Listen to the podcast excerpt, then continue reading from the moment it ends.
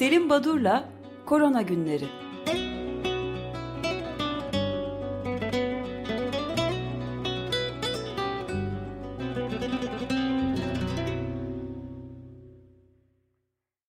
Selim Bey günaydın. Günaydın Özdeş, Özlem, Feryal, günaydın. İyi haftalar sizlere, dinleyicilerimize. Teşekkürler. bu, sağ olun, hoş geldiniz Özlem. Ee, bu e, hafta 24 Nisan'la başlayan hafta e, bir e, kutlamanın da e, hani, e, haftası diyelim. E, yıllardan beri Nisan ayının son haftası 24-30 Nisan e, günleri bu e, tarihler arasında Dünya e, aşı e, haftası şeklinde kullanılmakta. Dünya bağışıklama haftası olarak. E, bu bağlamda... E, ben de Paskalya'dan bahsedeceksiniz sandım önce. Yok yani hayır. E, ve e, sadece Türkiye'de değil bütün dünyada e, bu e, hafta çeşitli etkinliklerle fakültelerinden olsun, hastanelerden, sağlık kuruluşlarından ve uzmanlık örneklerinden e, çeşitli etkinliklerle bu kuruluşlarca e, kutlanmakta. Türkiye'de e, yine çeşitli etkinlikler yapılıyor. Örneğin e, Türkiye'de Enfeksiyon Hastalıkları ve Klinik Mikrobiyoloji EKMUT Derneği 11 farklı uzmanlık derneğiyle birlikte bir araya gelip bu aşıların önemine vurgulayan bir basın bülteni e, hazırladı. E, sanıyorum bugün e, e, duyurulacak. E, burada e, bir kere e, bu yılın sloganı, teması herkes için uzun ömür. Diğer bir deyişle e, söylenmek istenen aşıların sadece çocuklar için değil, erişkinler için de önemli bir e, e, sağlık e, aracı olduğu. E, çocuklar konusunda hani yararına değinmeyeceğim. Sadece e, nerede eksiklik var ona vurgu yapmak istiyorum. E, Birçok e, milyonlarla ifade edilen e, yaşam kurtuluyor çocukluk çağı aşılarıyla. Ancak şu anda e, 2021-22 yılı e, döneminde 23 milyon çocuk çocukluk çağı aşılarından yoksun olarak yaşıyorlar. E, 23 milyon çocuğa dünyada aşı erişiminde sorun var. Bunlar ya ekonomik nedenle ya da işte çeşitli aşı karşıtlığı ya da lojistik takım nedenlerle kendilerine aşı erişemiyor.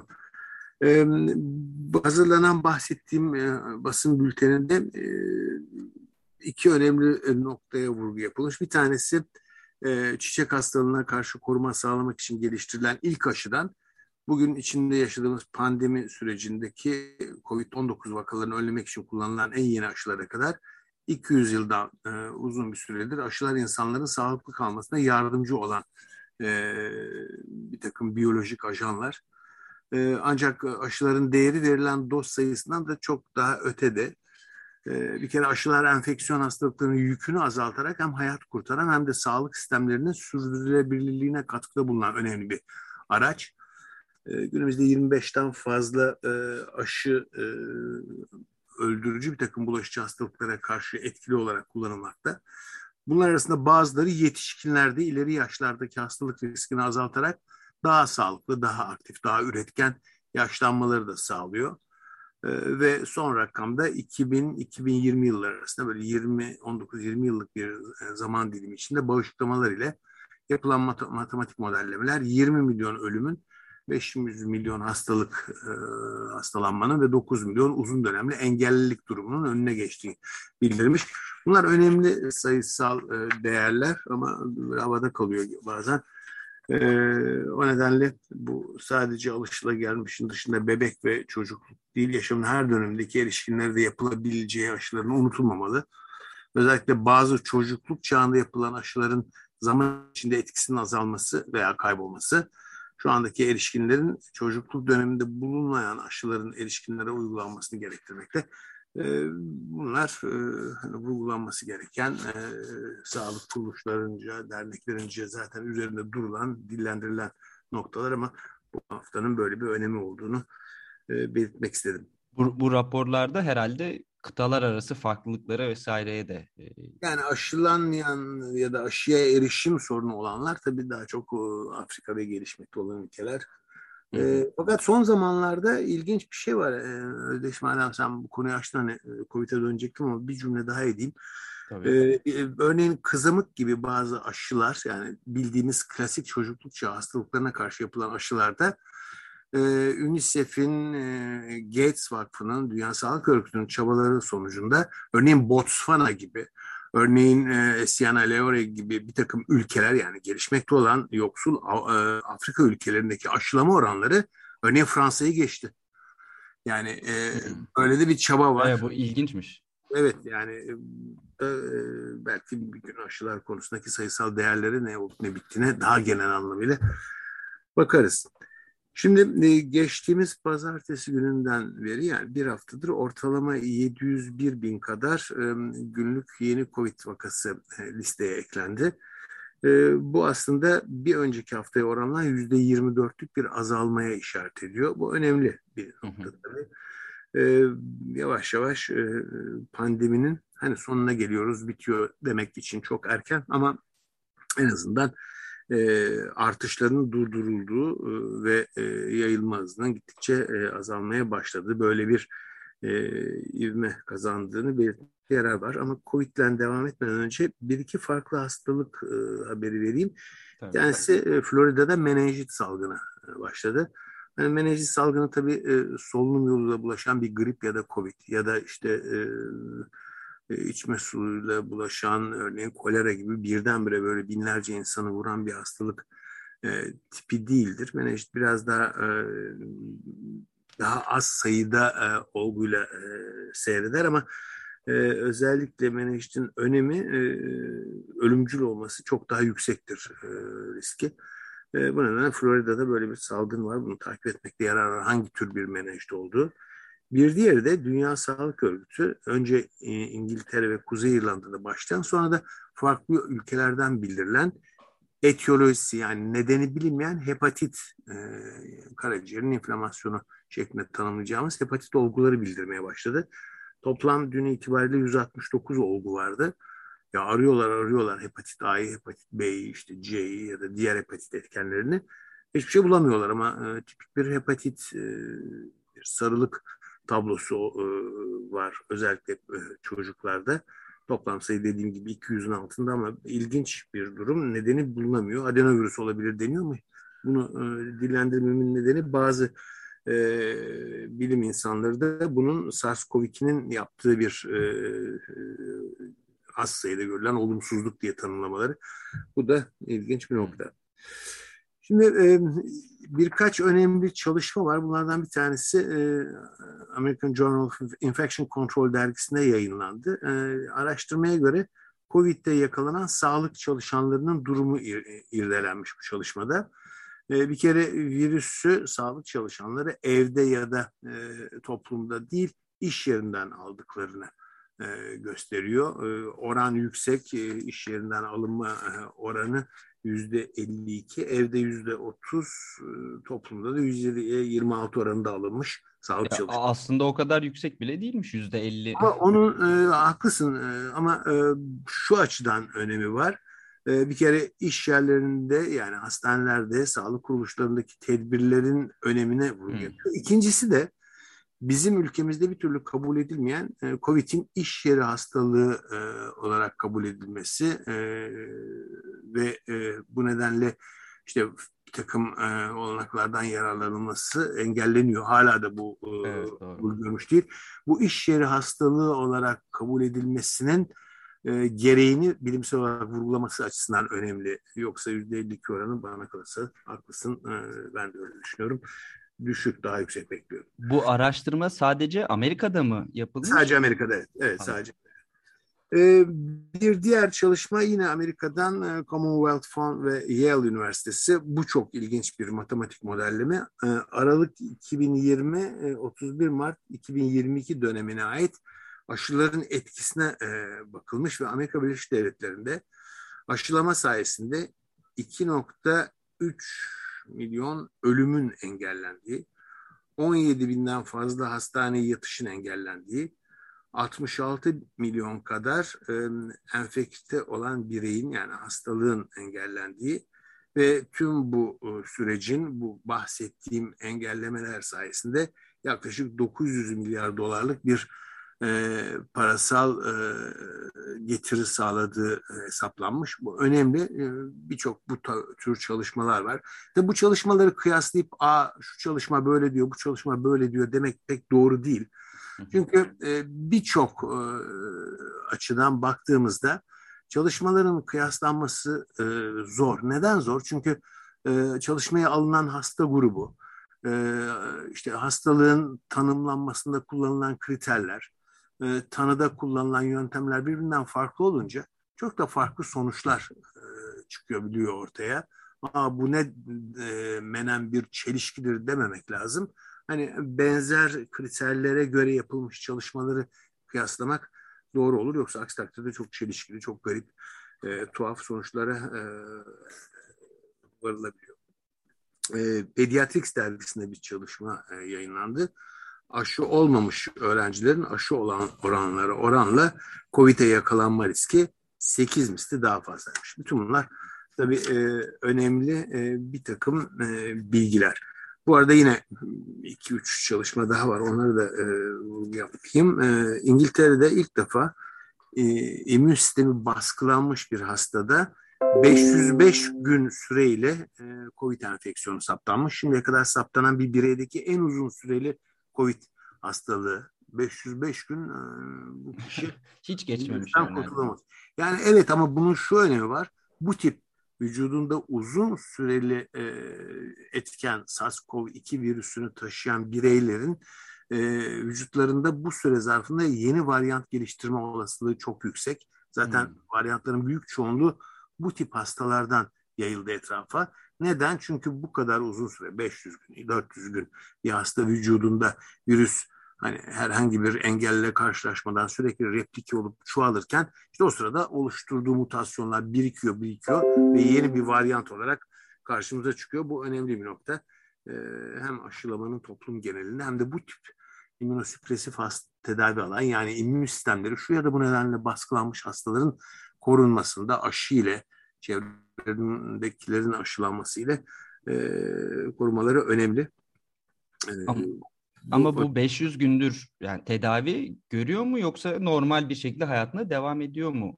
Yok bir kere immünosüpresif hasta zaten sağlık kurumunda e, ya da evde hani e, yatağında yatarak e, yaşamak Öyle mi? 500 gündür. İzoledir sanırım değil mi? Evet, evet yani bunlar işte ya ağır kanser hastaları ya HIV AIDS hastaları ya farklı nedenlerle immün sistemlerini baskılayan ilaç kullanan hastalar.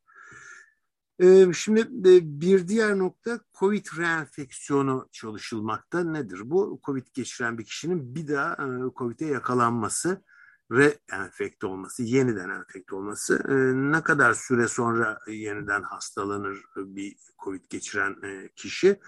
E, buna ait yeni bir bulgu var. E, İspanya'dan bir kadın hasta 31 yaşında. 3 e, hafta arayla iki defa COVID'e yakalandı. Şimdi bu ilginç çünkü bu neyi getiriyor? Geçirdiğiniz ilk enfeksiyonun size ne kadar koruma sağladığının süresi sınırlıydı da böyle 3 hafta kadar da e, sürmesi biraz az. Ortalama 23 ile 87 gün kabul ediliyor. Bu gittikçe aşağıya çekiliyor e, Portekiz'de yapılan bir enfeksiyon hastalıkları kongresi vardı. Avrupa Enfeksiyon Hastalıkları Kongresi geçen hafta yapıldı. Orada da bir başka hastada 20 gün arayla iki defa hastalandığı gösterilen bir olgu bildirilmiş. De bunlar istisnai e, olgular ama bunun da aklımızın kenarında tutulması lazım. Genelleme yapmak için e, çok az sayıda e, veri fakat yine de 20 gün sonra ikinci kez COVID'e yakalanma böyle bir risk olduğundan bahsetmekte yarar var. Bir diğer önemli nokta ilginç geldi. Pandemi sırasında 10 ülkede yapılan bir çalışma. Pandemi döneminde yaşamını yitirenlere bakılmış. Hafta sonları yaşamını yitirenler yüzde altı oranında daha fazla hafta içindeki kayıplarda. Almanya hariç bu dokuz ülkenin verisi nedense insanlar bu enfeksiyondan hafta sonu daha fazla yaşamını yitiriyorlarmış. Afrika'da e, aşılama e, sadece yüzde 16 aşılandı. Bu arada dünyada aşılama e, da e, 11.5 11.5 milyar doz aşı kullanıldı ve dünyanın yüzde 65'i tek doz aşı yani oldukça yetersiz e, aşılamamış gibi kabul edilebilir. E, bu oran e, dünyada yüzde 65 ama e, gelişmekte olan ülkelerde yüzde 15.2. Afrika'nın yüzde 16'sı aşılandı sadece. Başlarda aşı yoktu. Bu da mı tek doz? Ee, Yoksa bu çift Evet bu da tek doz. Bu da tek doz. Yani tam aşılanan çok daha düşük. Ee, şimdi yani bir işe yaramıyor aslında bu tek doz aşılama. Ee, şimdi yüzde on altısı e, aşılandı diyoruz ama başlarda aşı yoktu. Ee, bu düşük aşılama oranlarını açıklayan. Ee, şimdi ise milyonlarca doz iletiliyor Afrika'ya fakat inanılmaz bir lojistik e, sorun var. Ee, ve kullanımında sorun var aşıların. Nijerya, Güney Sudan, Malawi gibi yerlerde e, bunu görmüştük. E, son olarak geçen hafta Kenya kendisine ulaştırılan 840 bin doz e, AstraZeneca aşısını, vektör aşısını imha etti. Bunların ya e, tarihleri geçmiş, miadı olmuş aşılar ya işte kullanım sorunu var, enjektör bulamıyorlar falan. Yani çok ciddi bir lo, lojistik e, sorun yaşanıyor. E, bu tabii e, önümüzdeki günlerde halledilmesi gereken bir nokta. Yeni aşılar gelecek. E, bu hep söyleniyor. İşte bu akşam bir toplantı var İstanbul Tıp Fakültesi'nde. Burada da konuşulacak e, neler geliyor, hangi tür aşılar, e, şu anda kullanımda olan aşılara olan üstünlükleri nelerdir, getirileri neler olabilir en azından. E, ancak unutmamak lazım, e, bu aşılar tabii benim hani tartışmak istediğim bu akşamda konu şu, e, yeni gelecek aşılar kime uygulanacak? Yani şimdiye dek aşıyı reddeden aşı karşıtlarına uygulanacak mı? E bunlar e, daha önceki aşıları kabul etmeyenler bunları mı kabul edecekler? Hiç zannetmiyorum. Peki acaba e, böyle e, sık aralıklarla rapel dozları, hatırlatma dozları yapılan bir aşı ile karşı karşıyayız. Acaba bu yeni aşılar e, daha önce aşılanmış kişilere e, yeni bir rapel doz olarak, e, hatırlatma dozu, dozu olarak mı verilecek? Bu tabii e, tartışılması gereken bir nokta aşılar konusunda e, hani varyantlara etkili etkisiz bu aşılar dendi ve e, birçok soru gelmekte bu konuda. Acaba varyantlara yeni çıkan örneğin omikron varyantına spesifik ona özgü bir e, aşı geliştirilemez mi, geliştiriliyor mu diye. Evet geliştiriliyor ve ön çalışmaların bulguları çıktı. Klasik mRNA aşıları ile sadece omikrona karşı hazırlanan mRNA aşısının etkinliği açısından e, tüm varyantlar omikron dahil herhangi bir fark yokmuş. Yani e, varyant aşısı gelecek ben onu bekliyorum falan demek e, pek e, akılcı değil. Böyle bir e, olumlu bir getirisi e, söz konusu e, olmuyor. E, omikron deyince e, omikron varyantının BA1, 2 ve 3 olarak 3 tipi vardı. Fakat yeni varyantları, yeni alt tipleri çıkmaya başladı. BA4, BA5 gibi. Ee, bunlar acaba bir e, tehdit olabilir mi e, diye e, düşünülmüş. Ve Markov ve arkadaşlarının yaptığı çalışmada Nature Review of Immunology, Microbiology'de yayınlandı. Yeni varyantlar daha tehlikeli olabilir görüşüyle sürülmüş. Bu da önemli bir nokta. bir de iki noktaya daha değinip bitireyim. Bir tanesi e, geç e, Berkeley, Kaliforniya Üniversitesi'nin eski hocalarından şu anda IMF ekonomi danışmanlarından Profesör Pierre Olivier Gorineas. Kendisi 2022 e, öngörülerinden daha yüksek enflasyon ve daha düşük büyüme hızı gerçekleşeceğini söylemiş tüm dünya ülkeleri için.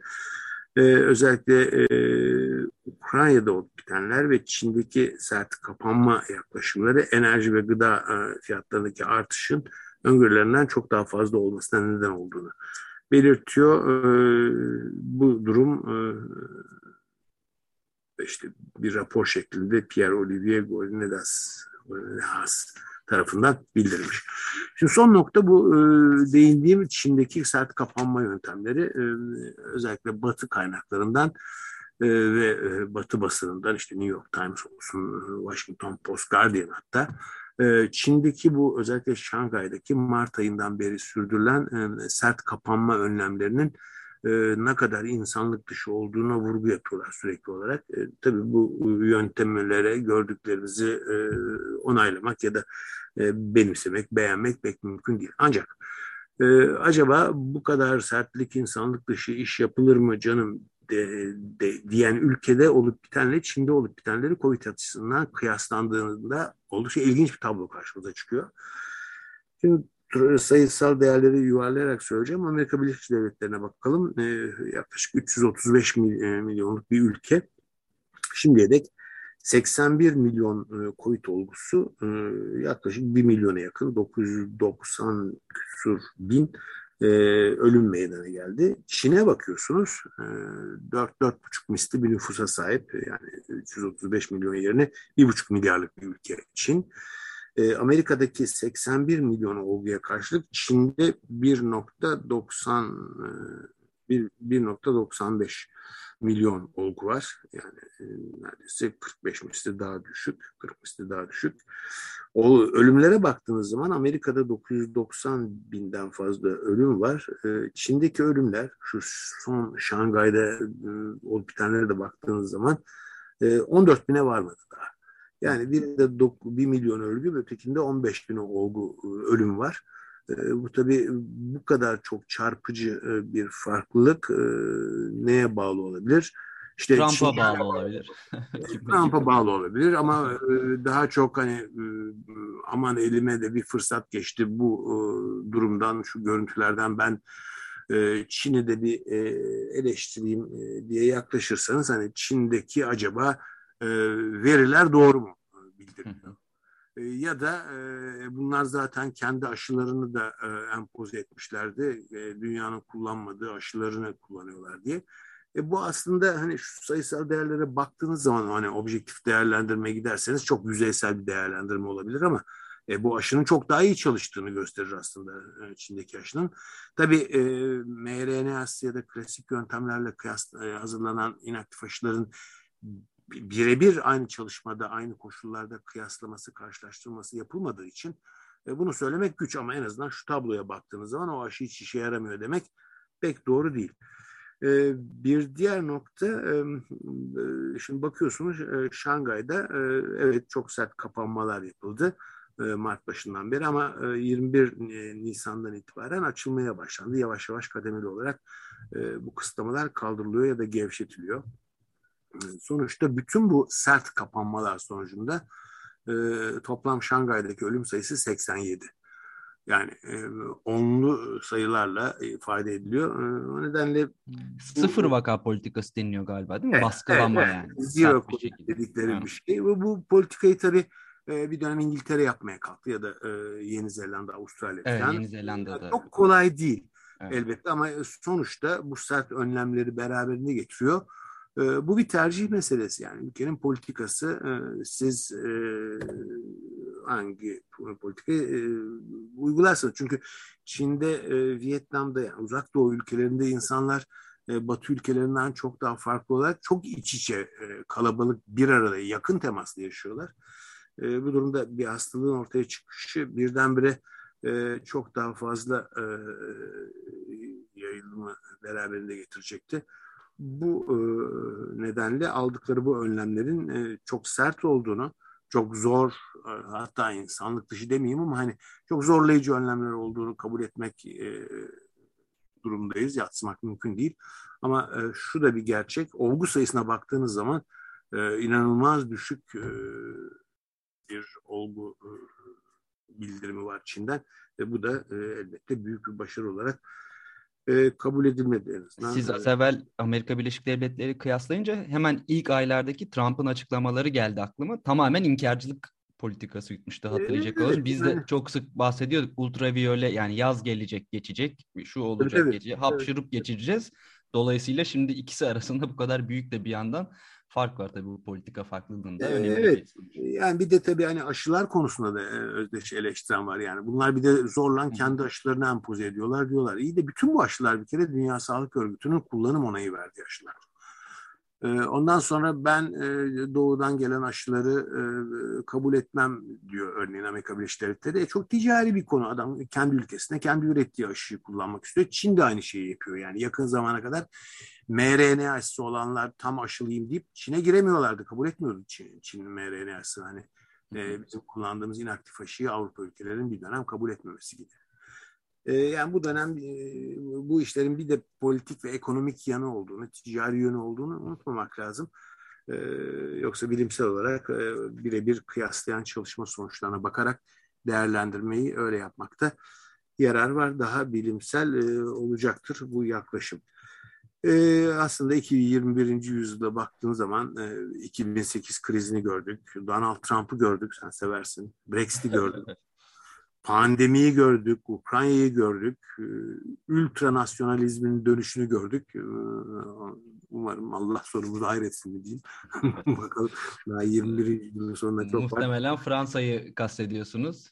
Rekor yani Fra- Fransa tabii e, benim haddim değil sizlerin yanında böyle politik yorumlar. Estağfurullah siz Fransa takip ettiğim, ben takip ettiğim bir ülke olduğu için evet. tabii Fransa başka Avrupa ülkeleri ya da dünyada olup bitenden e, farklı bir seyir göstermiyor. Doğru, evet. E, yani solun tamamen ortadan kalktığı bir ülkede e, e, bunlar olacaktır.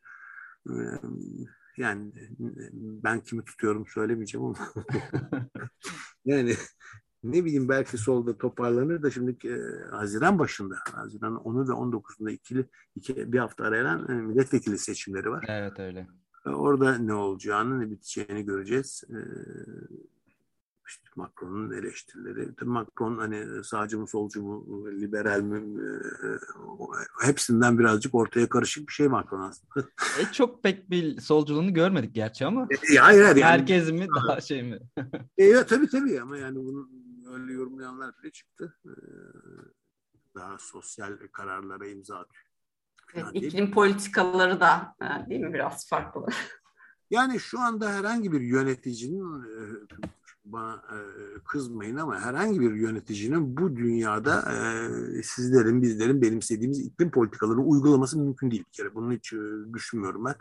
Ama vaktimi ve haddimi aşmadan ben huzurdan çektim.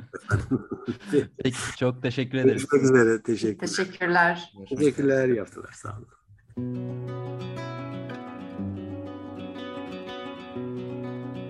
Selim Badur'la Korona Günleri